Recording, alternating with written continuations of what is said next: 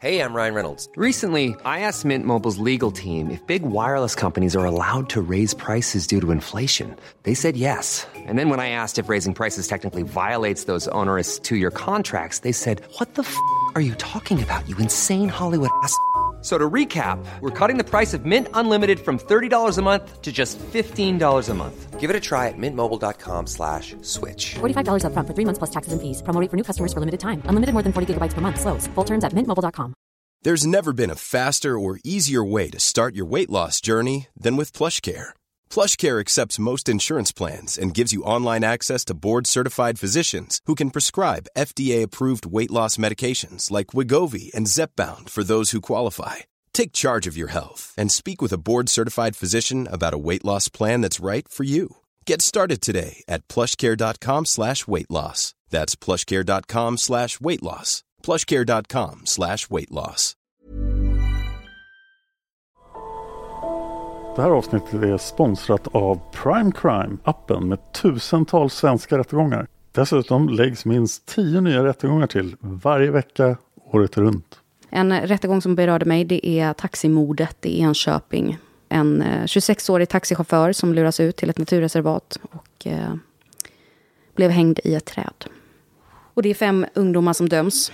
En 16-årig flicka och fyra unga bröder. En rättegång jag tyckte var väldigt fascinerande var föräldrar tvingade sin dotter att dricka ättika. Så otroligt galet. Prime Crime erbjuder även en tre dagars gratis provperiod. Och skulle du välja att bli prenumerant så erbjuder de antingen månadsbetalning för 99 kronor i månaden eller ett reducerat pris på två månader vid årsbetalning.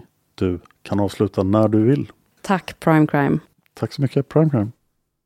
Hela vår sommarspecial om Richard Chase, vampyren från Sacramento, finns att lyssna på redan nu på Patreon.com. Gå in på Patreon.com, sök på Mördarpodden och stötta oss med en valfri summa per avsnitt för att få tillgång till alla sex delar helt reklamfritt. Det dras endast pengar för max ett avsnitt i veckan och gör vi fler än så så dras inga pengar för de övriga. Om du inte vill eller har möjlighet att stötta oss på Patreon.com så släpps en ny del varje söndag här i Mördarpodden.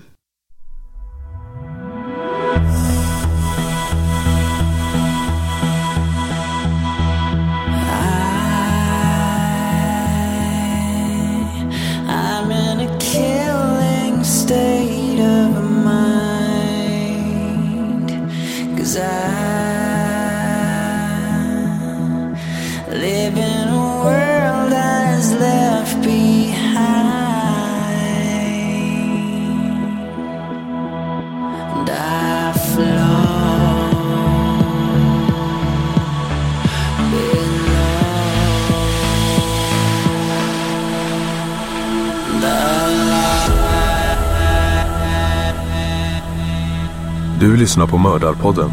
En podcast av Dan Hörning och Josefin Måhlén. Intro och bakgrundsmusik görs av Erik Segerstedt.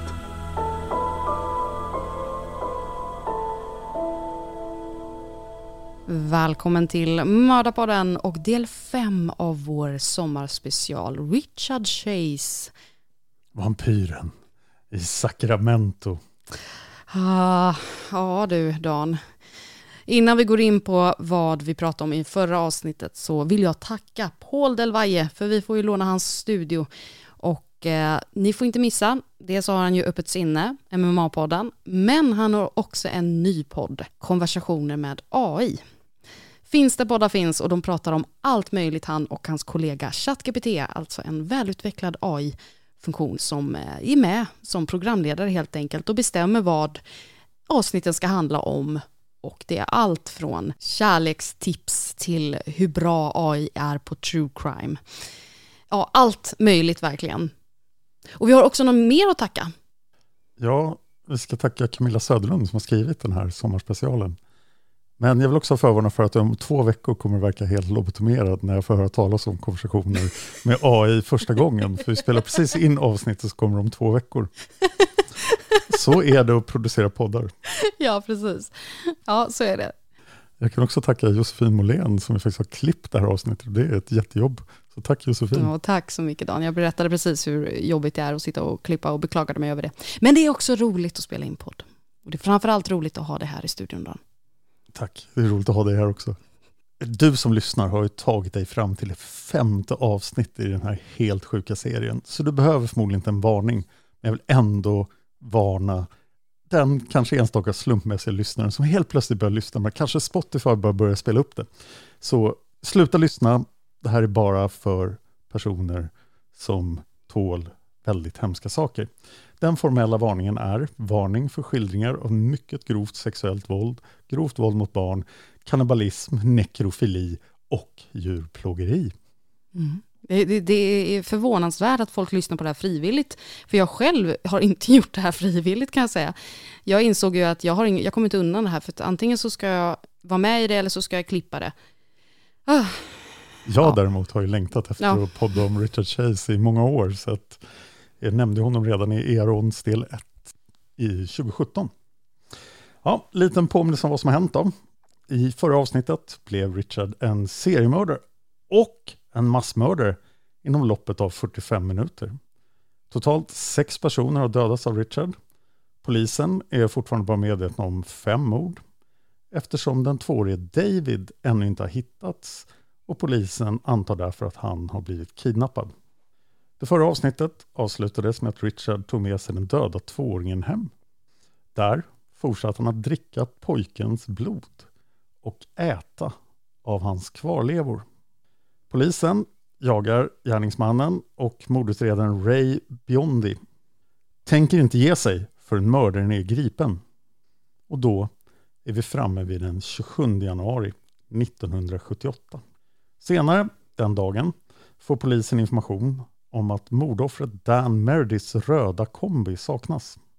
Bilen stod parkerad på framsidan av Evelyns hus. Flera av grannarna har sett bilen stå där under morgonen. Så nu utfärdar polisen efterlysning på den röda kombin. De hittar den några timmar senare övergiven. Kriminaltekniker söker igenom den men lyckas inte hitta ett enda spår inne i bilen. Inga fingeravtryck, hårstrån eller spår av blod. Det finns ingenting av värde som kan koppla bilen till någon möjlig gärningsman. Fem mord och en försvunnen tvååring och inga som helst ledtrådar. Nu blir polisen desperat. Över 50 poliser söker igenom kvarteren runt omkring och frågar om boenden om de har sett några misstänkta personer. Och det har de. Flera grannar har sett någonting misstänkt och vittnar alla om i princip samma sak.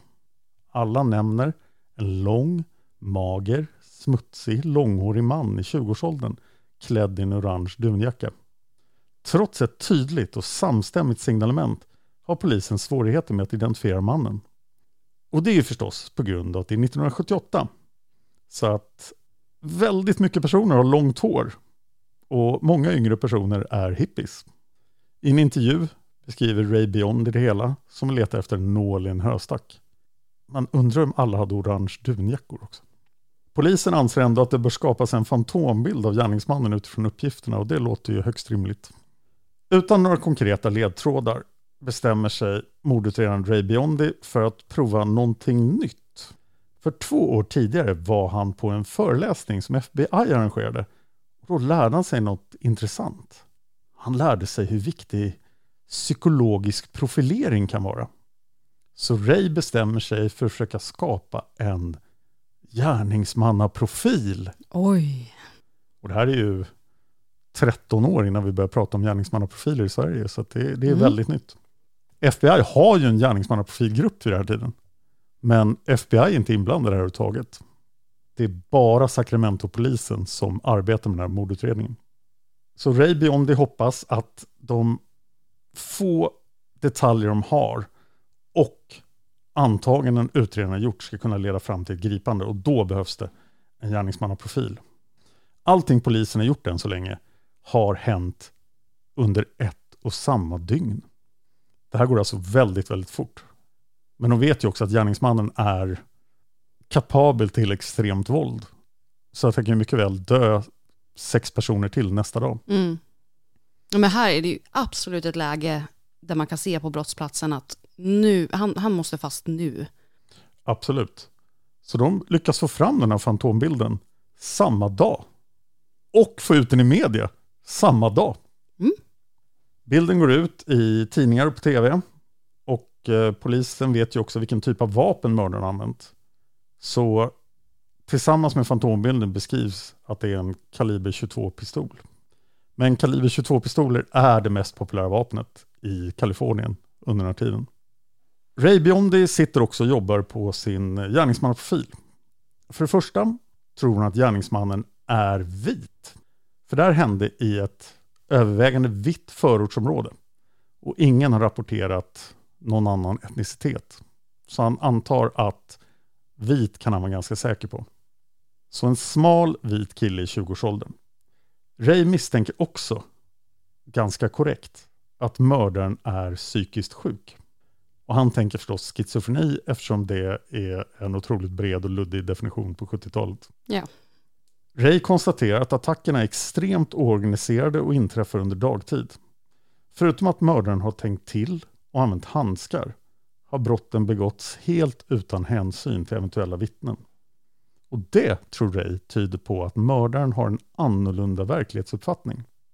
Massor av vittnen har sett den misstänkte mannen. Han har gått ifrån hus till hus i sin orangea dunjacka och frågat efter tidningar. Han har inte ansträngt sig för att bli upptäckt. Ray Biondi tror att han är ensamstående, ogift och utan en egen familj. Alltså han bor inte tillsammans med någon. Alltså, jag slår vad om att han inte hade handskar på grund av att han inte ville bli upptäckt, utan på grund av hans hypokondriska... Han var rädd för basiller. Ja, det verkar ju faktiskt väldigt troligt. Ray tror också att gärningsmannen är arbetslös eller möjligen skiftarbetare. Eftersom de flesta människor är på sina arbetsplatser på dagtid. Han antar också att gärningsmannen har en mycket begränsad social kompetens och ogärna pratar med andra människor. Ingenting på brottsplatserna tyder på att mördaren har pratat med sina offer. Utan allting tyder på att morden har begåtts väldigt snabbt. Två av offren, Theresa Wallin och Dan Meredith, har dödats redan i hallen. Det tyder på att de har blivit överraskade av mördaren. Ray tror att gärningsmannen nyligen har släppts ut från en psykiatrisk anstalt på grund av brottens bestialiska karaktär. Hittills är det ju jättemånga rätt. Det är ju faktiskt en ganska bra Ja, gärningsmannaprofil. jättebra. Men det är andra sidan inte så svår gärningsmannaprofil att göra. Men hon hittades ju i badkaret också. Just det. Mm. Morden har också skett under en mycket kort tidsperiod inom samma område. Det tyder på att gärningsmannen är nyinflyttad eller som Ray misstänker precis utsläppt i området av psykvården. Kommer du ihåg Nancy som jag bad lyssnarna komma ihåg tidigare? Var det hon som han hade kommit och, och träffat på den här, eh, när han var inne i butiken? Helt rätt! Ja, Ja, jag tänkte precis på, på henne. Nancy, Han hade ju gått och sagt, men hej Nancy. Och hon hade ju inte känt igen honom. De hade ju varit eh, klasskompisar för herrans massa år sedan. Och eh, då såg han väldigt mycket annorlunda ut. Men hon var ju sig lik. Och hon tyckte, hon hon, jag kommer inte riktigt ihåg hur det slutade där, men hon tyckte det var obehagligt i alla fall. Ja, Richard förföljde Nancy från snabbköpet ut till bilen. Och det är väldigt obehagligt för henne och hon kommer ihåg det väldigt väl. Och nu får hon syn på polisens fantombild. Och tycker att den är väldigt lik Richard Chase. Nancys svärfar råkar vara polis. Mhm. Så hon nämner det för honom. Hon berättar också om incidenten på parkeringsplatsen. Och det tar inte många minuter efter att hon har berättat för sin svärfar som den här informationen kommer fram till mordutredaren Ray Biondi. För den här butiken var ju ganska nära också stället där han sen Exakt. gick. Ja. Och Ray blir intresserad. Han bestämmer sig för att titta lite närmare på Richard Shays bakgrund. Ray upptäcker att Richard har blivit gripen fler än en gång. Ett gripande för olaga vapeninnehav för fem år sedan på den här festen, april 73. Och när Ray läser polisprotokollen från det gripandet så märker han att vapnet i fråga var en 22-kalibrig pistol. Ray kan också se att Richard har tillbringat långa perioder på psykiatriska sjukhus där han har beskrivits som oerhört våldsam. Jag får det till tre år som han totalt har varit inne på. Två eller tre år suttit eh, i psykiatrisk mottagning. Ja, Eh, det stämmer väldigt bra på Rays profil. Sen börjar han läsa om den där händelsen vid Pyramid Lake med kon. Ja, just Nu blir Richard Chase en väldigt bra misstänkt. mm. Och Rays största fokus är förstås att hitta den försvunna tvååringen. För om tvååringen är i Richards våld så antar Ray att nu är det en fråga om minuter. Om de ska kunna hitta honom vid liv. Redan dagen efter morden, den 28 januari 1978, har Sacramento-polisen en adress till Richard Chase. Och en patrull skickas dit, till Watt Avenue i Sacramento. Och planen är förstås att gripa Richard och ta in honom till förhör. När patrullen har parkerat utanför bostadshuset i fråga söker de upp föreståndaren. För det framgår inte vilken lägenhet Richard bor i. Så de måste fråga honom, men föreståndaren samarbetar gärna och berättar att Richard Chase bor i lägenhet nummer 15. Han följer även med och visar poliserna till rätt lägenhet. Och nu knackar polisen på Richards dörr. Flera gånger, men ingen öppnar. Lägenheten vägg i vägg står tom, berättar föreståndaren. Och han frågar om poliserna inte vill komma in där. Det vill de. Så de går in i lägenheten bredvid och trycker örat mot Richards vägg. För de är helt säkra på att Richard är hemma. Lite oklart varför. Och anledningen att de inte direkt tar sig in i Richards bostad är förstås att de inte har hunnit få någon husrannsakningsorder. Mm. De har faktiskt inte ens en häktningsorder. Så de kan inte bryta sig in. De hör ingenting och därför kontaktar de Ray Biondi, för det är han som leder det här, för att få vidare instruktioner. Men han är alltså inte på plats. Men medan de väntar på besked så bestämmer de sig för att försöka lura Richard. Så de börjar prata väldigt högt och säger att de ska åka därifrån. Och så tänker de att kanske Richard hör dem prata genom väggen. Så de står i den här tomma lägenheten och pratar vitt och brett om så oj vad gott det ska bli med munkar, nu åker vi härifrån. Han är ändå inte hemma. Sen går de ut ur lägenheten och gömmer sig bakom hörnet och spanar på Richards dörr. Men det är två poliser och de står på varsitt hörn och tittar mot Richards dörr. Och efter några minuter öppnar Richard dörren, för han var hemma. Ja, men det, är, det är bara Richard Chase som det här har funkat på. Han tittar försiktigt åt båda hållen. Men polisen har gömt sig bakom hörnet så han kan inte se dem. Och sen går han ut. Han är klädd i den orangea dunjackan. Och i famnen håller han en stor pappkartong. Då kliver en av poliserna fram från sitt gömställe och ger sig till känna. Richard får omedelbart panik och kastar kartongen mot polismannen. Kartongen är inte ordentligt stängd och en massa blodiga pappersbitar faller ut ur den. Richard börjar springa åt andra hållet. Polisen som har fått kartongen på sig skriker att Richard stannar, men det tänker han inte alls göra. Men Richard springer rakt mot platsen där den andra polisen är gömd. Så han kliver också fram. Richard visar inga tecken på att stanna, så polisen som har dragit sitt vapen slår vapnet hårt i Richards huvud. Oj. Richard faller till marken och polisen kastar sig över honom för att boja honom. De får knacka på och så får han att komma ut, men de får inte gå in. Men de får gripa honom. Men de får det, inte... det här känns ju inte som ett jättekorrekt gripande. Nej, Men eh, han får säkert sina rättigheter lästa för sig snart. ja, den har kvicknat till. Eh, Richard tänker inte ge sig, utan eh, han börjar kämpa emot. Och eh, polismännen märker att Richard försöker få in sin hand innanför jackan. Båda poliserna antar att det är ett vapen han försöker få tag i. Men det lyckas inte, utan de övermannar honom och sätter på honom handbojor. Life is full of awesome what ifs, and some not so much, like unexpected medical costs. That's why United Healthcare provides Health Protector Guard fixed indemnity insurance plans to supplement your primary plan and help manage out of pocket costs. Learn more at uh1.com. One size fits all seemed like a good idea for clothes Nice dress. Uh, it's a it's a t-shirt. until you tried it on. Same goes for your healthcare. That's why United Healthcare offers a variety of flexible, budget friendly coverage for medical, vision, dental, and more. So, whether you're between jobs, coming off a parent's plan, or even missed open enrollment, you can find the plan that fits you best. Find out more about United Healthcare coverage at uh1.com. That's uh1.com. Quality sleep is essential. That's why the Sleep Number Smart Bed is designed for your ever evolving sleep needs. Need a bed that's firmer or softer on either side? helps you sleep at a comfortable temperature? Sleep Number smart beds let you individualize your comfort so you sleep better together. JD Power ranks Sleep Number number 1 in customer satisfaction with mattresses purchased in-store. And now, save 50% on the Sleep Number limited edition smart bed for a limited time. For JD Power 2023 award information, visit jdpower.com/awards. Only at a Sleep Number store or sleepnumber.com. Sen söker de igenom hans kläder. Richards jacka är extremt smutsig. Den har en massa bruna fläckar och poliserna misstänker direkt att det här är nog blod. Richards skor är också väldigt smutsiga och har också brunröda fläckar. I Richards bakficka hittar poliserna Dan Merediths plånbok tillsammans med ett par latexhandskar. Sen tittar de innanför Richards dunjacka och där finns förstås en 22-kalibrig pistol. Så man får ändå ge att polisen att det här var ett ganska rådigt ingripande och att de lyckades Ja, klara sig ur en jättefarlig situation på Mm. det sättet. Pistolen sitter i ett hölster som Richard har under armen. I Richards jeans hittar de också två fotografier.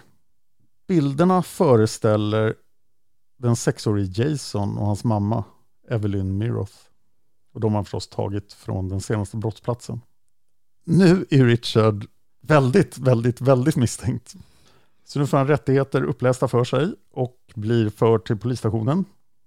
Och eh, kriminaltekniker börjar ta en massa prover från honom för att jämföra med proven som kommer från mordoffren.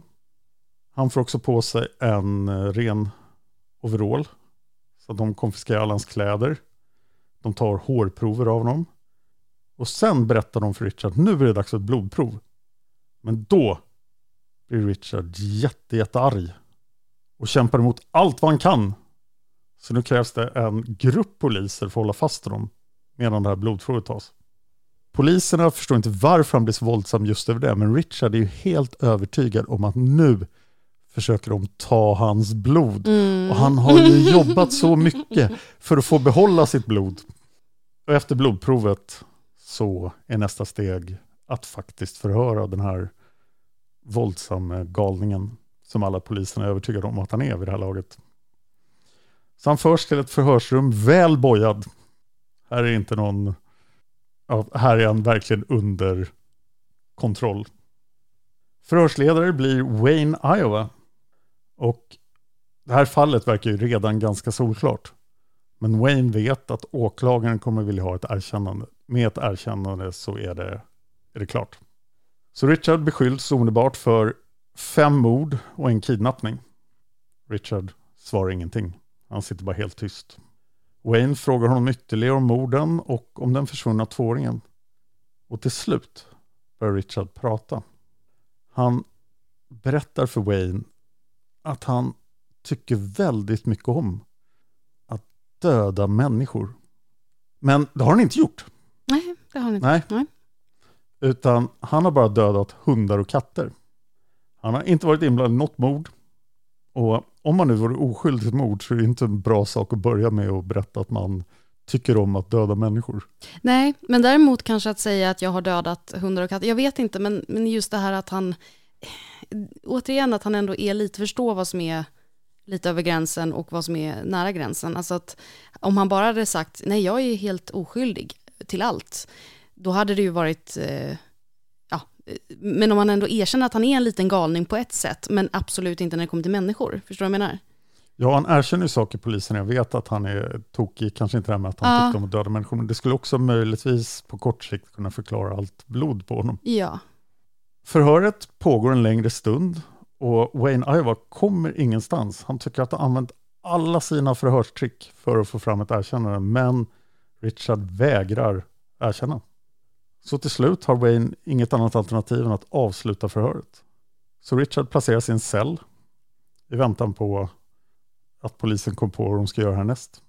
Och nästa steg som sker samtidigt som det här förhöret är då husrannsakan. För nu har åklagaren godkänt det. Så poliserna tar sig in i Richards lägenhet. Vid en snabb överblick konstaterar de att den försvunna tvååringen inte finns i bostaden.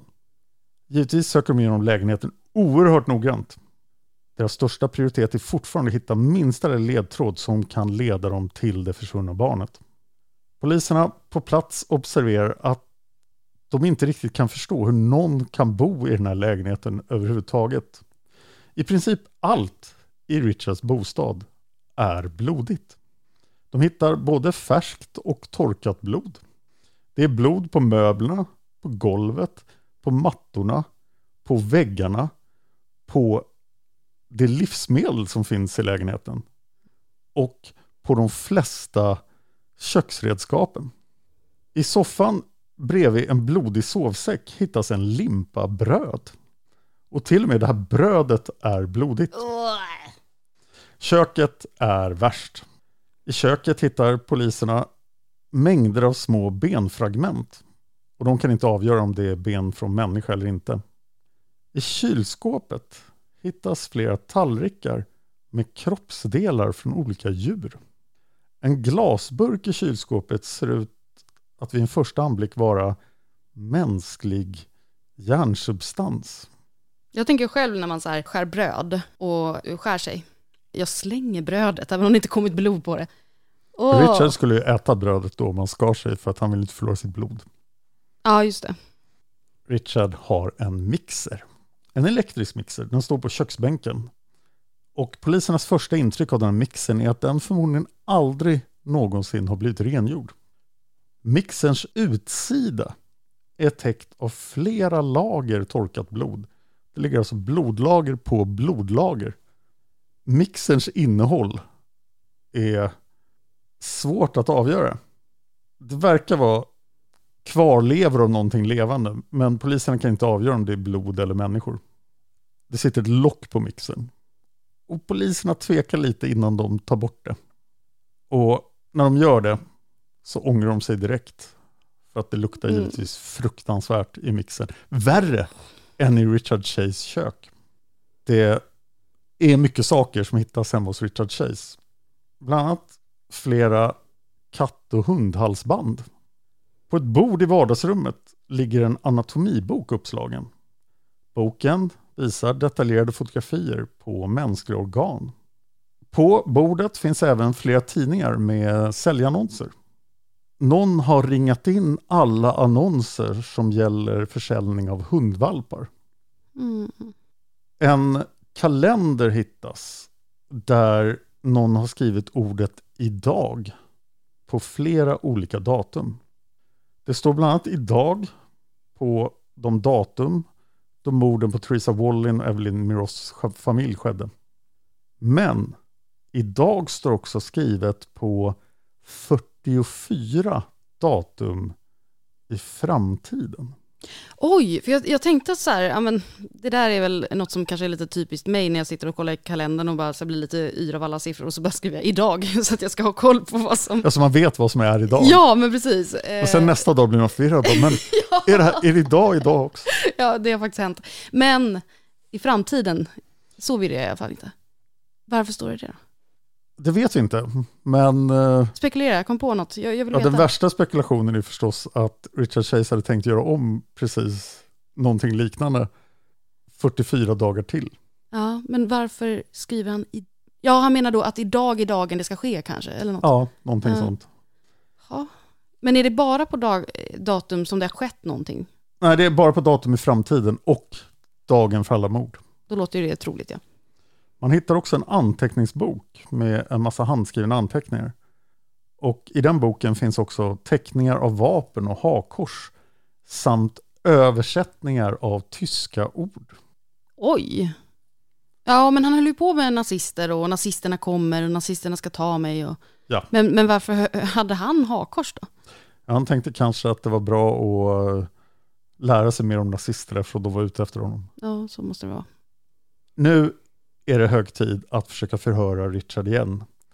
Och en åklagare närvarar under andra förhöret. Han heter Ronald Torsterman. I det andra förhöret berättar Richard att han är förföljd av nazister och italienare. Så inte nödvändigtvis fascister från Italien utan italienare i allmänhet verkar det som. Richard får förstås massor av frågor om den försvunna tvååringen men han svarar inte någonting på det. Och inte mycket mer kommer fram i det andra förhöret. Det var i princip det enda de fick reda på var att nazister och italienare förföljer Richard. Oklart om de samarbetar. Mm. Och då antar jag att han är väldigt tyst i förhören. Ja, Med tanke på att han nog, så fort han skulle öppna munnen så hade det ju inte kommit klokheter ut. nej. Åklagaren bestämmer sig efter förhöret att de ändå har tillräckligt för att väcka fem mordåtal. Eh, det verkar ju rimligt. Åklagaren bedömer att bevisen räcker för det. Så åtal ska väckas för morden på Ambrose Griffin, Theresa Wallin, Dan Meredith samt Evelyn och Jason Miroth. Men alltså inte för tvååringen. Polisen fortsätter leta efter den tvåårige David Ferreira. Och nu har de bestämt sig för att ta hjälp av blodhundar. Mm. Det var inte dåligt. Men jag tänker på den här, eh, du vet han kastade ju någonting mot polisen, ett, eh, en kartong Mm. med lite blodigt papper i. Kunde man, var det bara det eller? Ja, jag vet inget mer om kartongen så jag tror att det inte var något mer. Varför hade han en kartong med blodiga pappersbitar? Eh, Det kanske var något plötsligt försök att städa. Det verkar som att lägenheten behövde städas. Ja. Evelyn Miroths obduktionsrapport kommer in. Evelyns primära dödsorsak är skallskadan som orsakades av skottet i huvudet. Kanske inte helt överraskande. Men alla hennes övriga skador har tillfogats efter döden.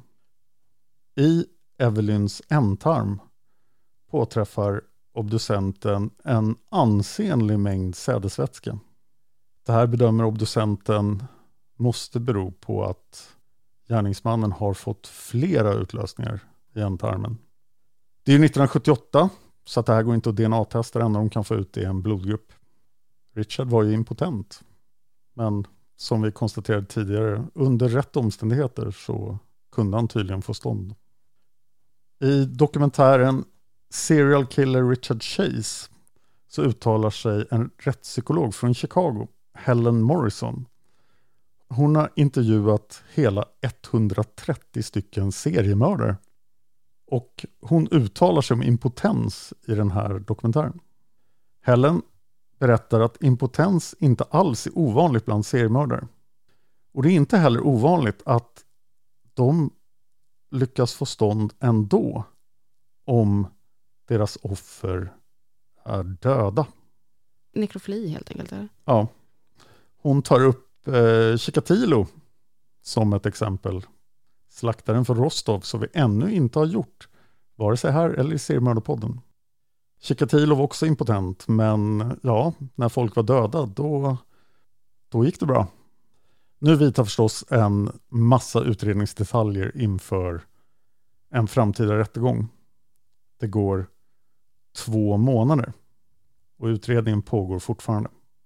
Den 24 mars 1978 får polisen ett samtal från en kyrka i närheten av brottsplatserna. Kyrkan heter Arcade Wesleyan Church och ligger bara en och en halv kilometer från Richards bostad. Det är en kyrkvaktmästare som ringer och han berättar för polisen att han har hittat en kartong som han misstänker innehåller en död kropp. Kartongen hittades slängd i en av kyrkans containrar. Innehållet ser precis ut som kvarlevorna efter ett litet barn, säger vaktmästaren. Poliser är förstås på plats vid kyrkan väldigt fort och när de öppnar kartongen känner de genast igen kläderna. Det är David Freiras kläder, enligt efterlysningen. David Freiras mamma har överlevt, Karen, och det är hon som har berättat hur han var klädd. David är halshuggen och hans huvud ligger också i lådan. Huvudet har placerats under kroppen och det har utsatts för extremt grovt våld.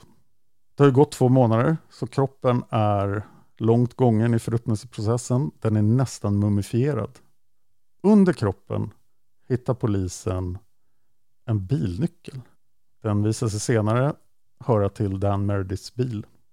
Efter obduktion kan barnets identitet fastställas och det är förstås David Ferreira som bara blev två år gammal. Han har blivit skjuten på väldigt nära håll. Det finns en stor mängd stickskador på kroppen och flera revben är brutna.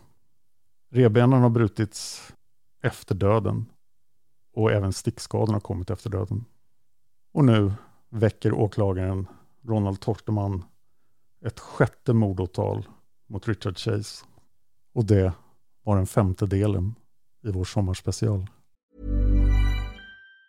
Planning for your next trip? Elevate your travel style with Quince. Quince has all the jet setting essentials you'll want for your next getaway, like European linen, premium luggage options, buttery soft Italian leather bags, and so much more. And it's all priced at 50 to 80% less than similar brands. Plus, Quince only works with factories that use safe and ethical manufacturing practices. Pack your bags with high-quality essentials you'll be wearing for vacations to come with Quince. Go to quince.com slash trip for free shipping and 365-day returns. Planning for your next trip? Elevate your travel style with Quince. Quince has all the jet-setting essentials you'll want for your next getaway, like European linen, premium luggage options, buttery soft Italian leather bags, and so much more. And is all priced at 50 to 80% less than similar brands. Plus, Quince only works with factories that use safe and ethical manufacturing practices. Pack your bags with high-quality essentials you'll be wearing for vacations to come with Quince. Go to quince.com/pack for free shipping and 365-day returns.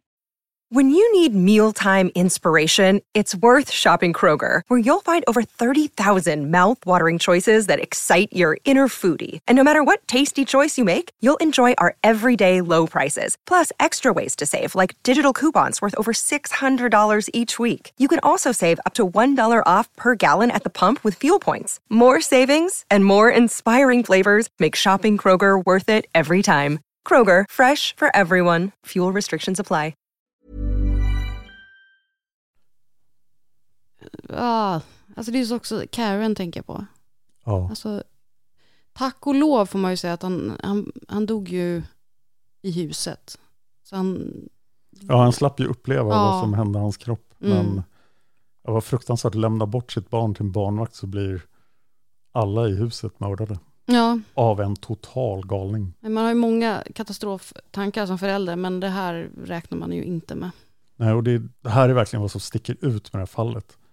Han är så spritt språngande galen och övervåldsam. Mm. Det ser inte så bra ut för Richard inför rättegången här, kan vi nog konstatera. Men bra, bra poliserna, alltså bra arbete tycker jag. Ja, det har gått oerhört fort, Ja. men Richard och inte heller... Alltså det som händer med de flesta riktigt tokiga mördare är att de inte hinner bli seriemördare för de åker fast. Mm. Och det har ju funnits ganska många varningstecken här. Men det ska vi prata mer om i nästa avsnitt. Under tiden kan ni ju gå till vårt Instagram eh, och följa det. Gör det, Modapodden heter vi där och följ mig, J. Molén och följ Dan, sök på Dan Hörning. Så kommer det komma lite trailers, lite hemskheter, lite missar hade jag tänkt att lägga upp, eller missar heter det inte, vad heter det? Bloopers, så heter det. För vi gör faktiskt en himla massa bloopers och det här vet inte du om Dan. Men på min... Så jag vet om att vi gör bloop. Ja, det, det vet jag i och för sig. Men jag sparar alltid bloopers. Så jag har liksom så fem nej. års spaning som heter MP-kul. Och hjälp. Så söker jag på min hårddisk så här MP-kul. Alltså jag får upp så mycket. Och vill ni höra mig prata om eh, potatislangare i Stockholm så kan ni gå in på Patreon och där lyssna på det ursprungliga Olle Möller-avsnittet del 1 när jag var med. Exakt. Stort tack till Camilla Söderlund som har skrivit det här manuset. Stort tack Camilla. Och vi är tillbaka nästa vecka. Ja, vi ses i nästa avsnitt.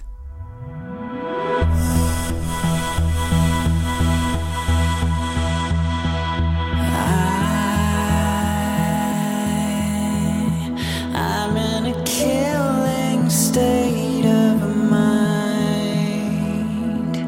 Cause I